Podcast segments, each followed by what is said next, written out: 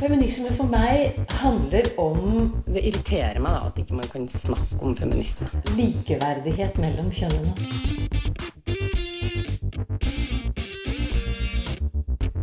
Det blikket på kvinnen på film. handlet det om å bli tatt på alvor som jente.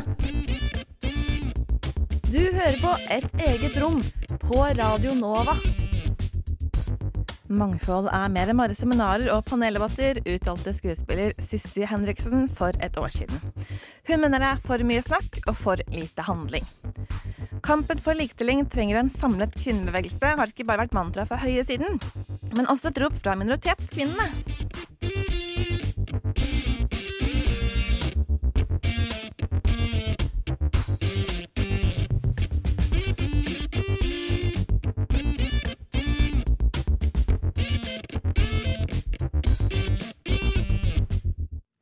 Hei og velkommen til nok en utgave av Et eget rom. Og det vil si at det er mandag, klokken er ti, og du hører på Radio Nova. Og mitt navn det er Linda Rosberg, og jeg står her i studio sammen med deg, Marte Søymer. Eh, Hei, hei. Ganske så ferskt medlem i Et eget rom. Det stemmer. Eh, ja. Og jeg ga deg en utfordring i går, og det var å komme med et eh, feministisk forbilde. Ja. Ja. Eh, ja. Ja, har, har du kommet opp med ett? ja. Det er jo fryktelig mange å ta av. Ehm, men den første kvinnen jeg tenkte på som feministisk forbilde, i hvert fall akkurat eh, nå for meg, det var eh, Sigrid Bonde Tusvik. Ja. Hun er- om hvorfor? Ja, hun er eh, en utrolig kul eh, kvinne, og hun jobber ekstremt hardt for eh, oss kvinner. Eller kvinner eh, i alle former, fasonger, farger i dagens kvinnekamp. Og ofte når hun uttaler seg, så får hun eh, hets. Hun har også fått eh, drapstrusler, men hun eh, lar seg ikke tie. Og jeg føler at det er noe vi alle kan lære av. I tillegg til eh, oss og Marte, så har vi også en tekniker med oss. Henrikke Nei, ikke Henrikke. Ulrikke! Jeg skal ikke gi deg et nytt navn, Ulrikke. Vi er i vår andre uke med å litt sånn løselig knytte oss til eh, Black Lives Nei, Black History Month i Norge, som markeres for andre gang i år. Og vi har jo begge jobbet litt med det her nå i to uker, eh, Marte. Har du gjort deg noen refleksjoner eller tanker de her to ukene? Ja, Um, noe av det første som slo meg da jeg begynte å gjøre research og lese om dette temaet, var jo at det er så utrolig mye jeg ikke kan. Og at det er så utrolig mye info om hvordan mennesker har det, som jeg ikke har visst noen ting om. Eh, Så jeg har jo lært utrolig mye, men jeg har jo også innsett at jeg har eh, utrolig mye mer å, å lære. Jeg ble spurt i forrige uke om jeg er eh, en antirasist. Og da ble jeg sånn Ja, men Men hvor god er jeg egentlig? Eller sånn. Det er mye lettere å si det enn å faktisk liksom stå opp på vegne av andre og liksom si ifra når man opplever og ser rasisme. For jeg er veldig konfliktsky. Og blir litt sånn der Å, nå blir jeg litt sint, men jeg blir litt sånn sint mest på innsiden. Ja, og det å være antirasist er jo tydeligvis ikke bare det å være mot rasisme. Det er jo å kjempe mot og stå opp mot de som utøver rasisme i dagens samfunn. Og det er jo lettere sagt enn gjort. Det er eh, sant.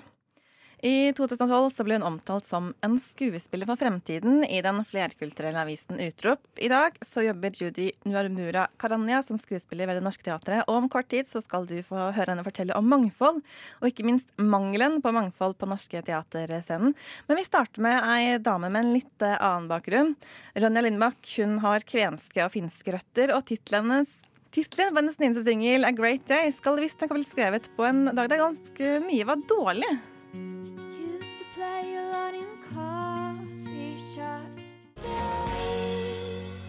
Great Day sang Ronja Lindbakk her på Radio Nova. Vi må bli bedre på mangfold, sies det igjen og igjen, enten det er snakk om film eller teater. Men så må vi vel kunne påstå at hadde man gjort like mye som man snakket, så hadde kanskje teatret vært langt mer mangfoldig enn det det er i dag. Vi må våge å gå nye veier når vi ser at det er skeivheter som må rettes opp. Det skrev Det Norske Teatret nå i helgen. Et eh, teater som har gått i bresjen når det gjelder å jobbe for mangfold. Og derfor så var det også litt naturlig å dra ned til nettopp Det Norske Teatret for å snakke om nettopp mangfold i teatret. Jeg syns det er kjempeviktig at både barn og voksne som ser ut som meg, kan føle en form for tilhørighet. Det er identitetsskapende for unge barn. Man føler at man passer inn, ikke sant. Og jeg syns det er så rart å snakke om dette i 2020. Det som skiller oss, er ultrafioletten. Det er det eneste som skiller meg og deg. Det er sola, liksom. Mitt navn er Judy Simone Nyambura Karanja. Jeg er en eh, skuespiller på Det Norske Teatret. Judy var en del av det første kullet i skuespillerutdanningen Det Multinorske.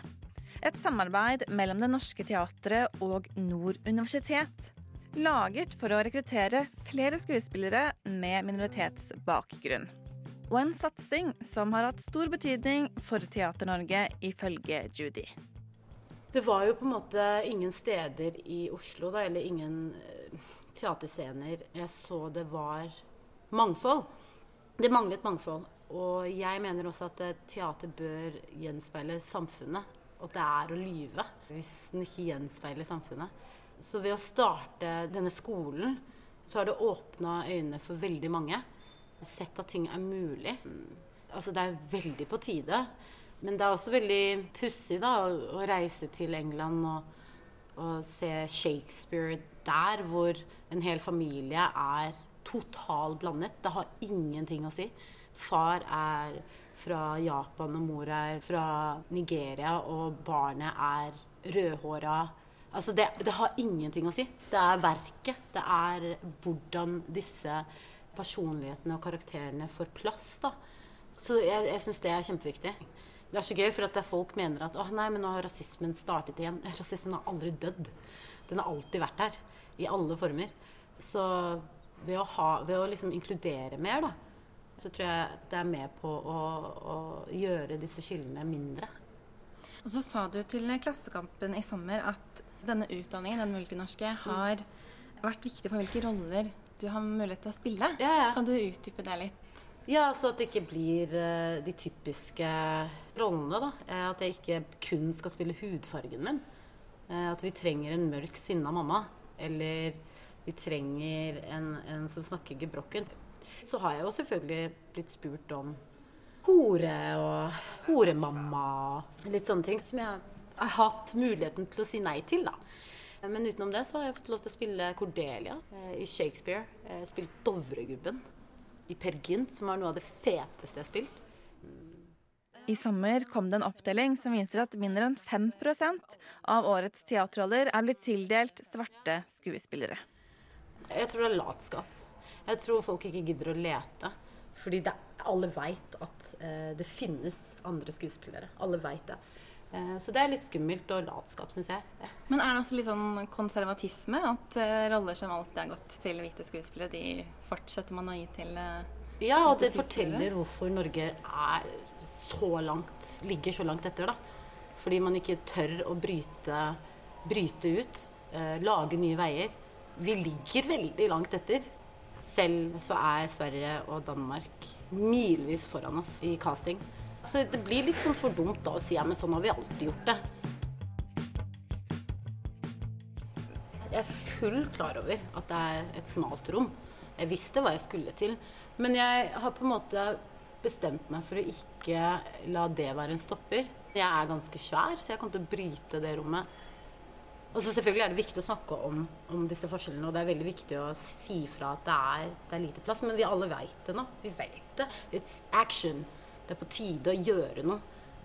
Jeg vil ikke la det være en, noe som bare spilte i bakrommet. At jeg liksom alltid husket på at det ikke var plass til meg. For da hadde jeg ikke kommet meg noe sted. En legende. Slik er det Judy beskriver teatersjef Erik Ulfsby. I tillegg til å ha utdannet tre kull skuespillere med minoritetsbakgrunn, så har Det Norske Teatret i dag 15 voksne skuespillere med minoritetsbakgrunn i sitt ensemble. De følger jo historien sin. Det Norske Teatret ble jo bua da de kom til Oslo. De ble kalt bøndere, og de, dere snakker rart, dere lukter rart. Det er akkurat det samme 100 år senere. Det er en rund sirkel. da. Det kommer tilbake igjen. Så det er kjempefint, fordi det er et ganske jovialt teater. Så det er det samme som kjennes innvendig. Her jobbes det veldig hardt, og det tar jo selvfølgelig tid. Men nå har jo Det multinorske tre kull. Er ferdig utdannet. Men vi trenger å utdanne hele teatret. Ikke nødvendigvis bare skuespillerne, men sminkører, scenografer, regissører. Alt. eh, For å få mer plass. Og det er jo det som skjer nå. Erik Ulsby kom ut med en melding i går om at de satser på det multinorske 2.0, som da går ut på å utdanne regissører og scenografer. Og det var akkurat det jeg håpet på og ville, da. Så nå skjer det. Det er derfor jeg kaller han en legende. Fordi alle snakker om det, men han gjør noe. Men når du da skulle starte som skuespiller, kanskje også allerede under utdanningen din Ja. Du kommer hit med mørkere hud, en annen type hår. Ja, ja. Eh, hvor forberedt var liksom hele apparatet som er involvert i en teaterproduksjon? Ikke det hele tatt. Ikke det hele tatt. Nei, nei, nei. Ikke det Men hvordan har man løst det, eller hvordan har holdningene vært? Eh, Jeg har sagt ifra. Jeg har sagt godt ifra. Og de har hørt etter. Med åpne armer. Judy forteller at teatret har vært rause med å hente inn anerkjente sminkører for å kurse sine ansatte i ulike typer hud og hår. Og så får jeg rom og plass smink i sminkegarderoben hvor det er produkter for meg, fordi de lytter og tar imot. Og det har vært kjempebra. Jeg har ikke måttet krangle meg til det. Og det er sånn det bør være. At vi hjelper hverandre. Eh, Erik Ulsby han sa i sommer, da det var snakk om at eh, man skulle legge ned skuespillerutdanningen, det Ja. var til norsk, om at uh, vi kan ikke bare utdanne skuespillere, de må også få seg jobb. Mm. Hva tenker du at det sier om Teater-Norge i dag? At det ikke er jobber, sier jo en del. Sier jo kjempemasse. Det er jo som å liksom prøve å trenge seg inn i en sånn kul gjeng, og så må du se ut som oss. Og det er, det er Den tiden er over! Den er så over. Det at han skaffer med jobb, det er også å gi jobber til de som er ferdig utdannet. Så det er plass til dem. Judy Nuambura Karanja var det som snakket om mangfold i eh, teatret. Og jeg også ble litt gira, skal jeg påstå. For jeg hadde ikke hørt om at nå skjer det noe helt nytt på Det Norske Teatret før Judy nevnte det. Men eh, så kom det da denne beskjeden nå i helgen om at eh, de skal nå utdanne scenografer og regissører med minoritetsbakgrunn. Og da skriver de blant annet i disse definerende faga er mangfoldet så å si fraværende, og det er avgjørende at vi finner flere og mer mangfoldige stemmer, også i disse yrkesgruppene. Ambisjonen vår er å kunne starte opp ei solid, attraktivt og banebrytende utdanning, slik at hele økosystemet i en teaterproduksjon speiler miljøet rundt seg. Eh, og jeg vet faktisk ikke om noen andre teatersjefer som er så eksplisitte på teaterets ambisjoner når det gjelder dette med mangfold i sitt teaterhus. Nei, det er eh, Jeg har aldri hørt om det. Eh, og jeg har også tenkt litt på det nå eh, mens jeg hørte dette stikket, og mens vi har drevet med research på dette temaet, at jeg tror jeg aldri har sett en skuespiller på en norsk scene som har vært mørk i huden. Og det er jo veldig spesielt, i og med at vi lever i et flerkulturelt samfunn. Ja, det er sant. Eh, Det er ganske, det er ganske uvanlig. Um, ja, jeg har faktisk ikke gjort det selv, men jeg har sett skuespillere med eh, altså, som er melaninrik, men kanskje ikke så mørk i huden likevel, men har likevel en minoritetsbakgrunn. Og jeg skjønner jo at det har en helt enorm betydning for alle som ikke er som meg, og som ser ut som meg. Mm. At de også har noen som de kan se opp til, og som de kan ha som et forbilde og en rollemodell. Ja, for noe som flere melaninrike skuespillere har sagt, eh, som har blitt skuespillere nå, er jo det at eh, da de var barn, så hadde de ingen de kunne speile seg i. Og for oss som hvite kvinner, så har jo vi kunnet sett altså hvite kvinner på teaterscenen hele livet. Og speile oss i dem og dems historie. Eh, og det er det jo veldig mange i vår befolkning da som ikke har kunnet gjort. Og det er jo et tankekors.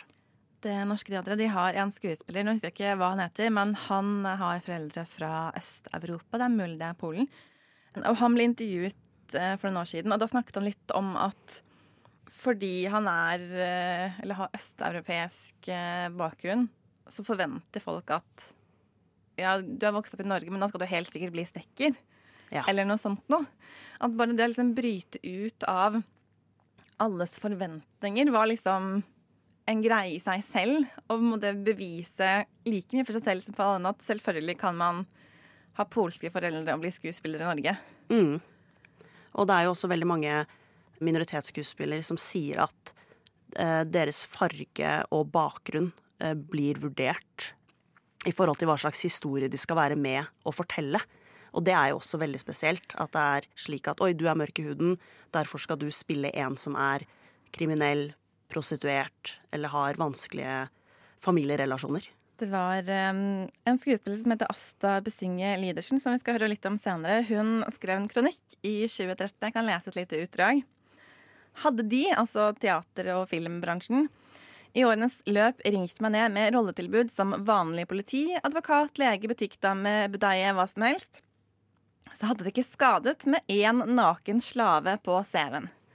Men det ringer bare når etnisiteten min er et poeng, når afrikanskhet er tema, når annerledeshet skal settes i spill. Hadde jeg ikke lært meg å si nei, så ville det vært null forskjell på min CV og arkivet til Utlendingsdirektoratet. Eh, og det sier jo sitt, da.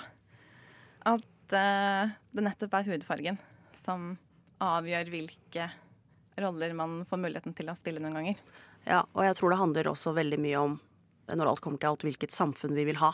Og kunsten speiler det samfunnet vi har her til lands. Og når melaninrike skuespillere, da, skuespillere får de rollene, så setter vi dem også i den boksen at det er bare det de er gode for. Hedda-prisen, eller juryen til Hedda-prisen, det er jo den store teater... eh, Hva heter det for noe? Prisutdelingen. De fikk en del kritikk i sommer fordi det var bare hvite skuespillere som var nominert til de ulike, i de ulike kategoriene. Men etter det så gjorde Klassekampen da en opptelling hvor de har sett på alle teaterrollene i år. På de syv største teatrene rundt omkring i Norge. Eh, og av 639 roller så er det 30 som er tildelt, og det her er det Klassekampen eh, som har sagt, svarte skuespillere. Om de mener da kun mørkhudede eller alle melaninrike, det er litt usikkert. Men det tilsvarer mindre enn 5% av alle teaterroller da, i Norge i 2020. Ja, Og det sier seg jo selv at det er jo altfor lite. Ja, det er, Mangfoldet er større enn det eh, Ja. når vi ser rundt oss. Og det er jo heller ikke manko på fargede skuespillere. Så Nei, for der er det jo altså Når man ser alle disse debattene som har foregått, i hvert fall de siste ti årene, om hvorfor er det så lite mangfold, så er det flere både teaterregissører og teatersjefer som er ute og sier sånn Ja, men her er det også et utdanningsperspektiv. Eh, og da er det ei som heter Lixian Cheng, som er kanadisk-kineser, som skrev Og det her er i 2011, det er ni år siden, at eh, Gjennom den nåværende praksis signaliserer institusjonsteatrene, i alle fall indirekte, at teater ikke er, noen, ikke er noe for personer med minoritetsbakgrunn. Og det kunne jo nesten vært skrevet i dag. ja. For de finnes jo, som du sier. De bare blir ikke sett på noen scene. Nei, og da er det jo Altså, da begynner man å lure på om Altså, det er jo systemkritikk, da. Og hvorfor er det sånn som det er? Eh, og når man ser det nå så svart på hvitt, og når man hører melaninrike skuespillere fortelle om hvordan det er, så blir det jo veldig, veldig tydelig at det, det her er jo virkelig noe som må gjøres noe med, og jobbes med. Det handler jo selvfølgelig om likestilling, men også om frigjøring, tror jeg er litt mer sånn Hvis man skal se litt mer radikalt på det. Du hører på et eh, eget rom. Radio Novas feministiske program. Fakra Salimi hun er daglig leder ved MIRA-senteret, ressurssenter for minoritetskvinner. Og hun har tidligere snakket med oss om dette med kvinnekamp og minoritetskvinners perspektiver. Annet i forbindelse med den norske kvinnebevegelsen. Og på parolemøtet til 8. mars-markeringen i Oslo i 1980 så foreslo en gruppe minoritetskvinner at hovedparolen burde være 'kampen mot rasisme er også kvinnekamp'. Ja, vi skal høre et klipp hvor Salimi forteller om reaksjonen på dette forslaget. Og da var det veldig sterke reaksjoner blant kvinneorganisasjoner. At nei, dette bør være en parole under internasjonal solidaritet. For norsk kvinnekampen er liksom Dette er kjønnskamp, liksom. Det var, det var en veldig sterk ekskludering egentlig av erfaringer fra minoritetskvinner. Så kan du tenke deg at etter hvert har kvinneorganisasjonene har også sett at hvis de virkelig vil ha minoritetskvinner med, så må disse parolene være sentrale paroler.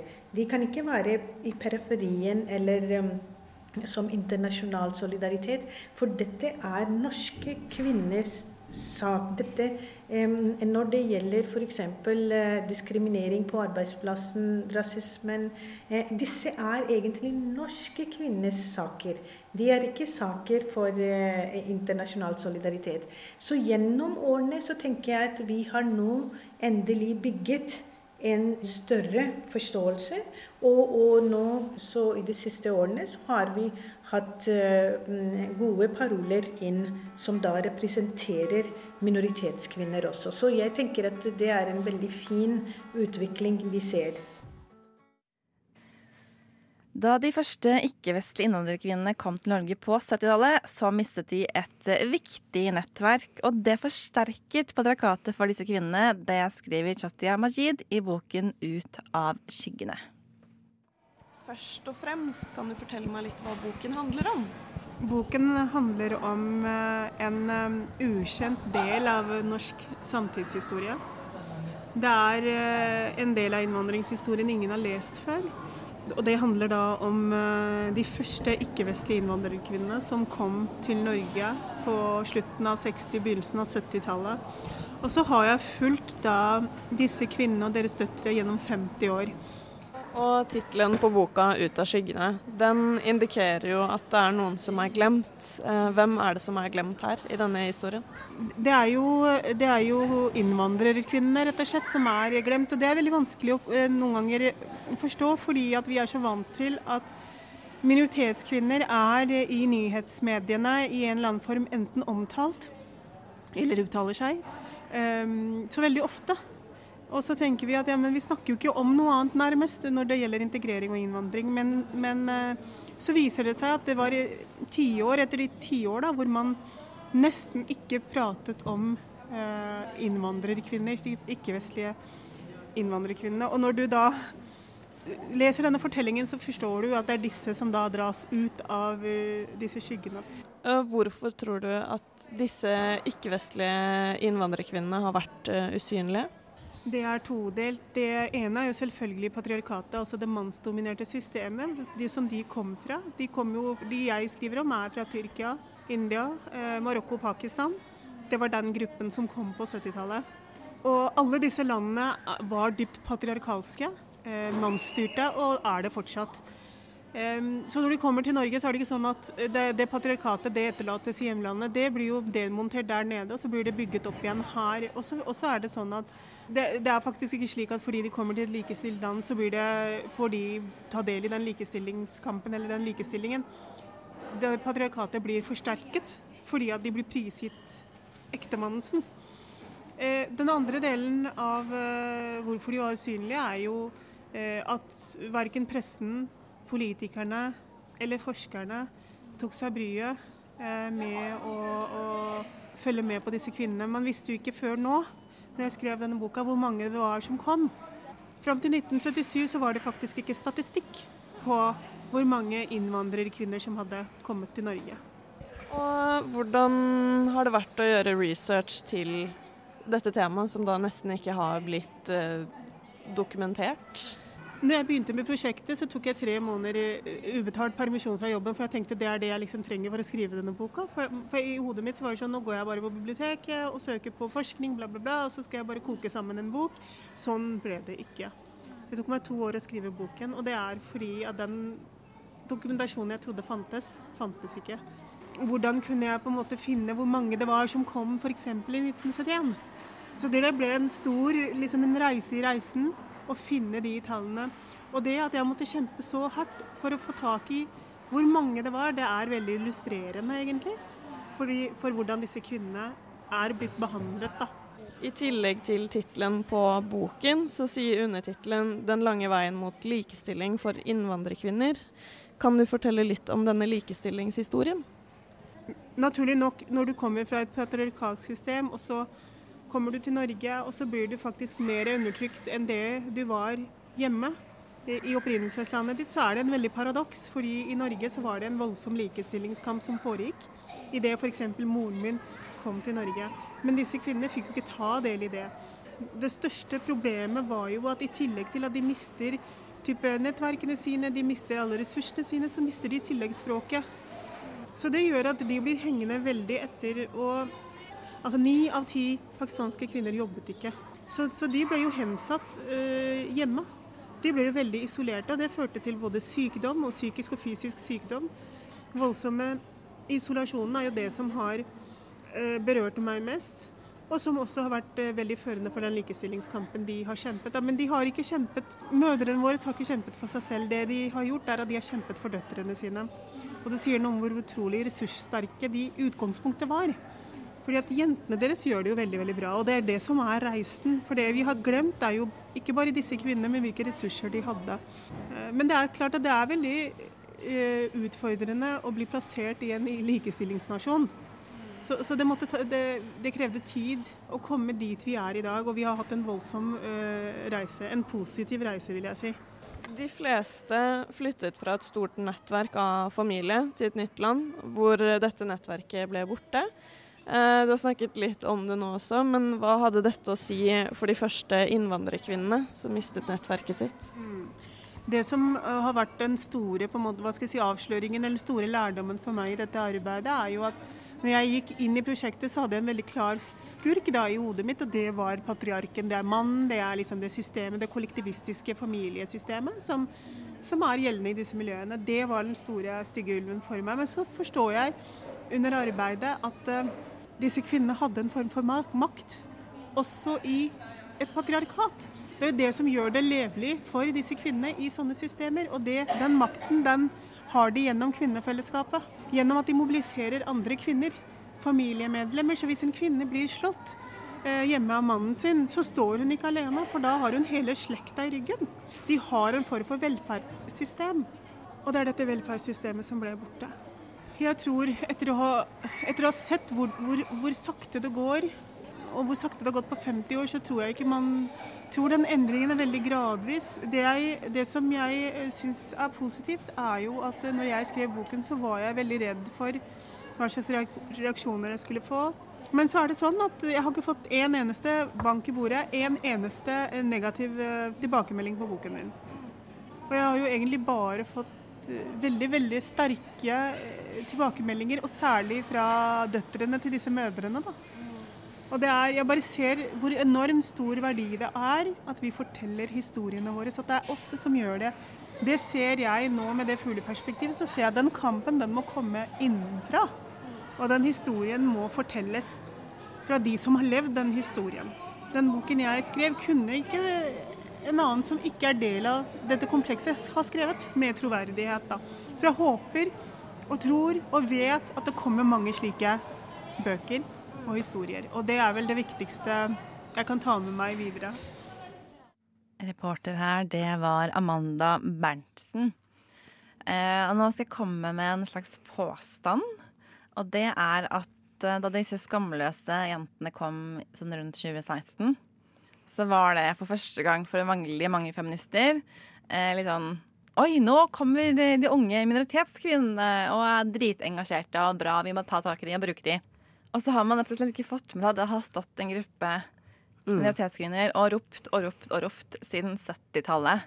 Eh, og brukt flere tiår på å bli hørt. Eh, og jeg har altså snakket med ei som eh, har vært liksom i en av disse store kvinneorganisasjonene i flere år. Veldig aktiv. Det er noen år siden jeg snakket med henne. Og hun var sånn der, Og det er så gøy, nå er liksom endelig minoritetskvinnene, og særlig de unge, nå er de skikkelig med i kvinnekampen. Og så bare Ja, men jeg tror eh, kanskje de har vært der hele tiden. Man har bare ikke lyttet til de. Ja, og igjen så føler jo jeg at eh, ja, det er så mye jeg ikke kan. Og har lest meg opp på det her, og har eh, sikkert halve livet mitt eh, sagt at eh, ja, jeg er eh, stolt feminist og gått i 8. mars-tog og selverklært eh, antirasist også. Og så møter jeg meg selv i døra og er sånn Men har jeg sett disse kvinnene? Og det, det har jeg jo ikke. Så Men, men vi er jo også en del av en kultur som påvirker oss om vi vil det eller ikke. Og i 2014 så var det to professorer ved NTNU, Trine Anfeldt og Berit Gullestad, som analyserte offentlige dokumenter, utredninger, stortingsmeldinger, handlingsplaner, med fokus på hvordan minoritetskvinner beskrives i det offentlige rom. Da, for det er jo mye av det styres ut av det her, eller påvirkes. Og hvordan innvandrerkvinner beskrives, og hvilke problemer som blir sett på som typiske for denne gruppen kvinner i Norge. Og deres konklusjon er jo rett og slett at likestilling for hvite kvinner er ikke det samme som vi mener med likestilling for innvandrerkvinner. Og det er en sånn oppfatning om at eh, grunnen til at innvandrerkvinner ikke legges til, det handler liksom med deres tradisjoner og litt sånn uvilje mot å integrere seg i det norske samfunnet.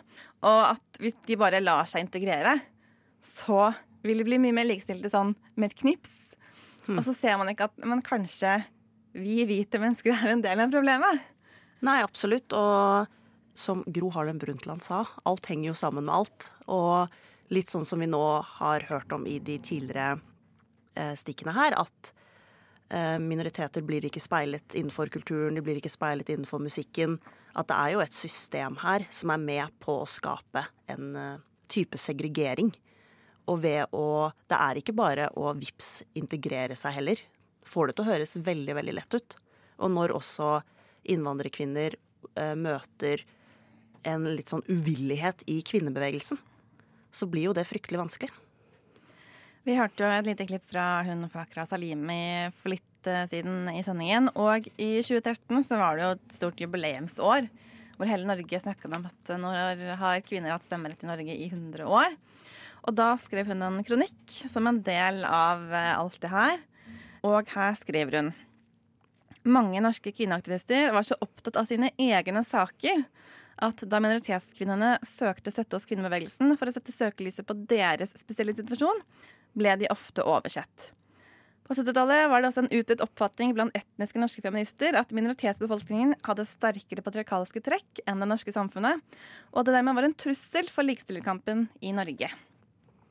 Det er altså den radikale kvinnebevegelsen på 70-tallet som hun nå beskriver, og det er jo ikke akkurat slik jeg har lyst til å tenke på den radikale kvinnebevegelsen på 70-tallet. Nei, absolutt ikke.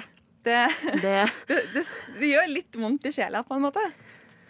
det gjør det. Det er jo liksom Det er jo disse forbildene man har hatt, og det å se at de kanskje ikke har vært så inkluderende og så gode som man skal ha det til, er jo vondt. Men eh, jeg tenker at det er jo nettopp det som er utrolig viktig. For det betyr jo ikke at de kampene de kjempet, eh, har vært verdiløse. Men det betyr bare at vi må se på det, og jeg tenker at vi kan gjøre det annerledes og være klar over det. Jeg tror det er veldig viktig. At nå er det liksom vår tur til å Nå er det vår tur. vise hvordan det skal gjøres. Vise hvordan det skal gjøres, og skape en mer inkluderende kvinnebevegelse. Og samtidig være klar over at kamp mot rasisme er også kvinnekamp. Være klar over det. Hvordan opplever du deg selv midt oppi det her? Nei, akkurat nå fryktelig dårlig. Så fint, da er vi to! Det må jeg innrømme. Eh, Det her er noe jeg må jobbe med. Eh, Virkelig. Eh, Jeg har fått et nytt syn på mye av det her i de to episodene vi har hatt nå, som har vært med Black History Month Norway. At det her, det her er for dårlig. Her må, her må det jobbes. Her må det hjem og jobbes. Rett og slett. Jeg skal lese bare et til sitat av eh, nevnte Fakra Salimi. Jeg opplevde en ganske sterk ekskludering av minoritetskvinners erfaringer. Eh, Jeg tror det gjelder fremdeles, men jeg håper også at vi i et eget rom eh, er i stand til å ta tak i den utfordringen og bli bedre og være med og lede og brøyte vei for hvordan det skal gjøres. Absolutt. Eh, Vi runder av akkurat denne samtalen med noen andre erfaringer igjen. For i 2013 så kom norsk-unganiske Asta Besinge Lydersen med essayet 'Afropolitt'. En tekst hun har beskrevet som dypt personlig og dypt politisk, og handler om utenforskap, norskhet, synet på folk fra andre verdensdeler og om hvem som får innpass i norsk kulturliv. Eh, og her kommer tre korte utdrag fra dette essayet. For oss med familiebakgrunn, oppvekst og livserfaring fra ulike land betegner ikke ordet flerkulturell en mangel på kulturell tilpasning, men det motsatte. En kreativ og stadig pågående kulturell tilpasning. Jeg har to verdener inni meg. De brytes mot hverandre, forenes, sklir fra hverandre igjen. Det er ingen fallitterklæring. Det er min identitet. Jeg skriver om hvordan det er å være i minoritet. Man skulle tro det var et yrke. For oss som opererer i multikulti-bransjen, er det alltid et seminar, en konferanse, et kurs eller en publikasjon hvor de trenger flerkulturelle stemmer. Vi løper rundt som et omreisende mangfoldssirkus. Ikke er jeg historiker, men jeg vet en masse om de historiske grunnene til at svarte kvinner retter ut håret sitt og bleker huden. Ikke er jeg psykolog, men jeg vet mye om hva som skjer i sinnet til unge mennesker som skammer seg over den de er. Jeg har vært aktivist, talsperson, et flerkulturelt forbilde og et mangfoldsalibi. Det er et fengsel. Jeg er et mangfoldsgissel, kan ikke unnslippe min egen hud, mitt eget hår og de andres blikk. Hvem er jeg? Er jeg mitt hår? Er jeg min hud? Kan jeg velge å være en annen inni denne huden, under dette håret? Jeg er både et afrikansk barn og en norsk voksen. Når den ene gråter, gråter den andre. De to er uatskillelige, udelelige. Den ene kan ikke eksistere uten den andre. Det var altså tre utdrag fra essayet Afropolitt fra 2013. Can I begin?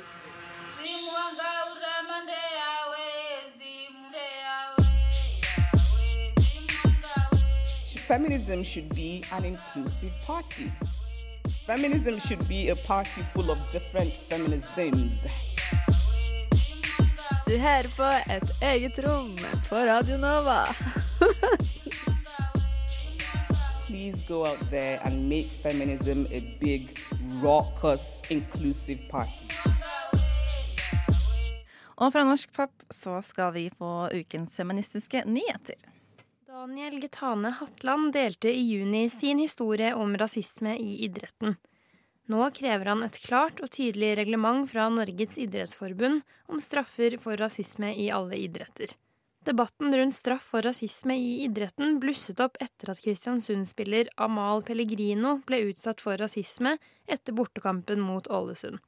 Det ble senere offentliggjort at en supporter er utestengt fra Color Line stadion ut 2021-sesongen etter hendelsen. Straffen er basert på klubbens eget stadionreglement og rådgivning fra Norges Fotballforbund. I ettertid har flere reagert på straffen som for mild, bl.a. Pellegrino selv. Daniel Getane Hatland reagerer kraftig på at det ikke finnes et felles reglement for straff mot rasisme i norsk idrett. Jeg krever at NIF som øverste organ kommer med et klart og tydelig reglement som gjør at rasisme straffes på samme måte uansett idrett. Det bør ikke lenger være opp til hver enkelt klubb å måtte håndtere dette. Hvis idrettsglede blir angrepet, bør det være en klokkeklar holdning hos alle klubber, inspisert av et klart regelverk fra NIF, sier Hatland til VG. Strømmetjenesten Disney Pluss skjerper nå sin egen advarsel om rasisme i filmene, og anerkjenner at stereotypene som presenteres, var feil da og er feil nå. Når du nå skal strømme filmer fra Disney Pluss, som Dumbo, Peter Pan og Jungelboken, vil det komme opp en skjerpet advarsel om stereotypene som presenteres i filmen, melder BBC. I advarselen skrives det at dette programmet inkluderer negative beskrivelser og eller en feil fremstilling av mennesker og kulturer. Disse stereotypene var feil da og er feil nå. Videre fortsetter advarselen med at i stedet for å fjerne innhold, ønsker Disney å anerkjenne filmens skadelige innvirkning, lære av dette og starte en dialog for å skape en mer inkluderende fremtid sammen, skriver BBC. Dette gjelder bl.a. filmer som Peter Pan, hvor den amerikanske urbefolkningen blir omtalt som rødhuder, Aristokattene, hvor en gul katt spiller piano med spisepinner, og i Dumbo, hvor en kråke snakker med stereotypisk svart aksent, spilt av den hvite skuespilleren Cliff Edwards. Kråken heter i tillegg Jim Crow, en referanse til rasistiske lover i USA på det tidspunktet filmen ble sluppet. Loven innebar rasemessig segregering gjennom å påby at de offentlige områdene hvor svarte og hvite kunne ferdes, skulle holdes adskilt. Disney har presentert en advarsel for innholdet sitt siden forrige november, men dette var en kortere variant enn den som nå foreligger. Høyesterettsnominerte Amy Conant Barrett sier drapet på George Floyd gjorde sterkt inntrykk, men nekter å kommentere påstandene om systematisk rasisme i USA. Under andre dagen av senatshøringen ble Barrett spurt om hun hadde sett opptaket der en politimann presser kneet mot George Floyds nakke frem til han stopper å puste. Det hadde hun gjort. Og 48-åringen, som har to adopterte barn fra Haiti, sa at Floyd-videoen derfor hadde en veldig personlig innvirkning på familien hennes. Hun nektet likevel å gi synspunktene sine om debatten om hvorvidt det foregår systematisk rasisme i USA i dag. Barrett sa at å mene noe om hva politikk skal brukes til i kampen mot rasisme, vil være utenfor det hun er i stand til som dommer. Jamila Jamil, kanskje et av mine forbilder, som jeg syns er veldig kul. Hennes motto er liksom at så lenge man er opptatt av å lære og utvikle seg, så skal alle få lov til det. Så alle kan jo si dumme ting en gang iblant eller trå litt feil, men å da gå tilbake og, og liksom si unnskyld og jeg er fortsatt i utvikling og jeg lover å gjøre det bedre neste gang. Du hører på Et eget rom. Radio Novas feministiske program. Det gjør du, men vi begynner å nærme oss en slags uh, slutt. Det gjør vi. Uh, I vår andre sending sånn løselig knyttet til uh, Black History Month her i Norge. jeg fortalte helt i starten at jeg siden fikk spørsmål om jeg er antirasist. Vi har snakket om det, men hva ville du svart, Marte, hvis det kom noen bort og sa sånn Ja, er du antirasist, forresten?